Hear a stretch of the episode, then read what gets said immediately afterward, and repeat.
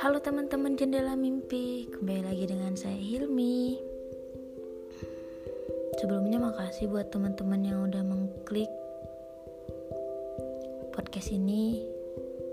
Terima kasih telah mendengar podcast ini. Malam takbiran nih buat kalian yang merayakan Idul Adha. Minal izin wal faizin. Sebelum aku mulai ke topik baru, aku mau lanjut dulu nih dikit-dikit dari topik sebelumnya. Gimana udah mulai konsisten? Teman-teman, kalian yang udah ngerasain belum sih? Hmm, ada perasaan yang seneng pas kalian berhasil mencapai list-list kamu yang harian itu. Ngerasain gak sih? Kalau aku sih ngerasain gini. Biasanya kan malam bikin list pas bangun langsung ngerajain list itu aku sih ngerasain pas uh, nyoret-nyoret list itu bahwa list itu tuh udah tercapai itu ada rasa sensasi tersendiri ya gak sih? Oh ya jangan lupa bersyukur ya di pagi hari saat meditasi. Apa sih meditasi? Ya meditasi tuh menenangkan diri narik nafas gitu. Baik. Pokoknya meditasi baik. Dan di malam hari juga ya teman-teman.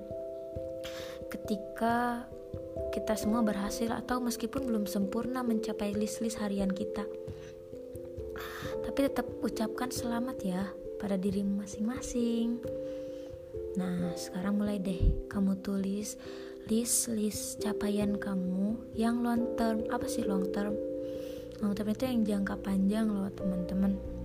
Saran aku sih kalian coba deh punya buku list kayak gitu.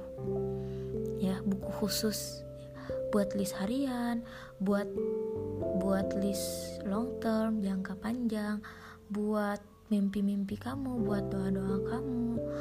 Pokoknya apa deh itu buku yang penting yang menurut gue sih mesti dibawa ke mana-mana ya Pokoknya konsisten dulu ya. Dengan konsisten, mimpi-mimpi kamu yang jangka panjang bakal kecapai melewati list-list harian kamu. Tetap produktif ya selama di rumah. Oke, kita ke topik ya.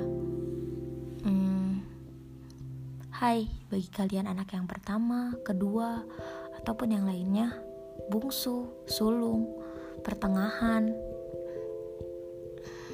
Percayalah, datangnya kalian di bumi ini bukan tanpa sebab, melainkan banyak yang Tuhan percayakan kepadamu.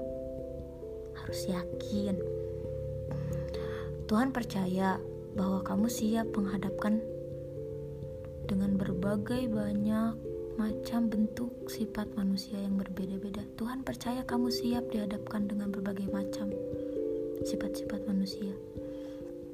Bahkan Tuhan percaya bahwa kamu siap taklukkan dunia ini. Tuhan juga percaya bahwa suatu saat nanti kamu akan merasa berarti hidup di dunia ini. Yang belum tentu semua orang bisa. Semua bibit sperma bisa, belum tentu. Kamu adalah pemenang dari beberapa juta orang yang berusaha hidup. Banyak orang yang dari kecil udah meninggal, tapi kita masih dipercayai oleh Allah oleh Tuhan kalian masing-masing untuk masih bisa untuk melanjutkan hidup. Lalu, apalagi ragumu jika Tuhan saja percaya kepadamu? Tuhan percaya bahwa kita masih bisa jadi seorang yang berarti di dunia ini. Jangan merasa jika kita semua ini orang yang paling tidak beruntung ya teman-teman. Ya intinya banyak-banyak bersyukur karena kita tuh nggak satu-satunya orang yang paling nggak beruntung di dunia ini. Masih banyak orang yang lebih nggak beruntung daripada kita. Coba ya pak. Coba nih ya teman-teman. Hmm, pakai sedikit waktu waktu kalian untuk memikirkan bahwa betapa banyaknya orang yang tidak lebih beruntung dibanding kita. Teman-teman berharaplah sama sang pemilik segalanya. gantungkan semua mimpi-mimpimu kepadanya.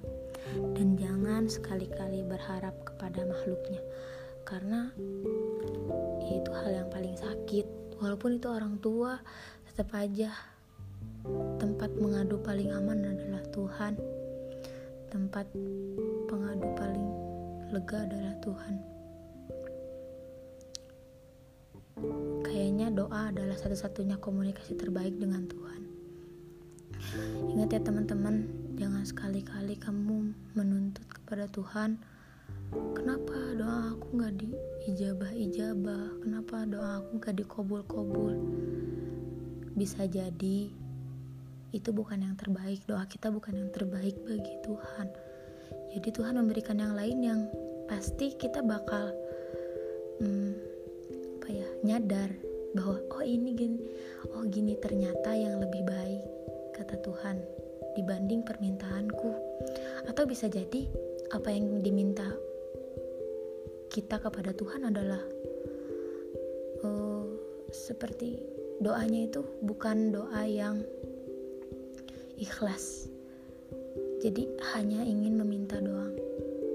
Ingat ya teman-teman awali doamu dengan memohon ampun. Baru dengan meminta gitu. Dan menurut aku sih semua butuh waktu. Jangan kan kita minta kepada Tuhan minta ke orang tua aja nggak langsung dikasihkan jadi semua butuh waktu. Hmm, percayalah tak ada doa yang tak didengar olehnya percayalah Tuhan maha melihat atas semua usaha yang kita lakukan ingat ya teman-teman usaha tanpa doa artinya kamu sombong dan doa tanpa usaha artinya kamu sedang bercanda jadi lakukan itu dengan seimbang, doa plus usaha. Karena jangankan seorang Tuhan, orang tua aja kita minta pasti lihat dulu usahanya. Emang dia benar-benar misalnya emang emangnya dia benar-benar gitu dia mm, orang tua ngeliat juga kan misalnya pak aku mau ini nih ya udah kamu usaha dulu biar ranking satu misal. Tapi nggak semua orang semua orang tua menuntut ya. Tapi kebanyakan emang orang tua akan melihat usaha kita.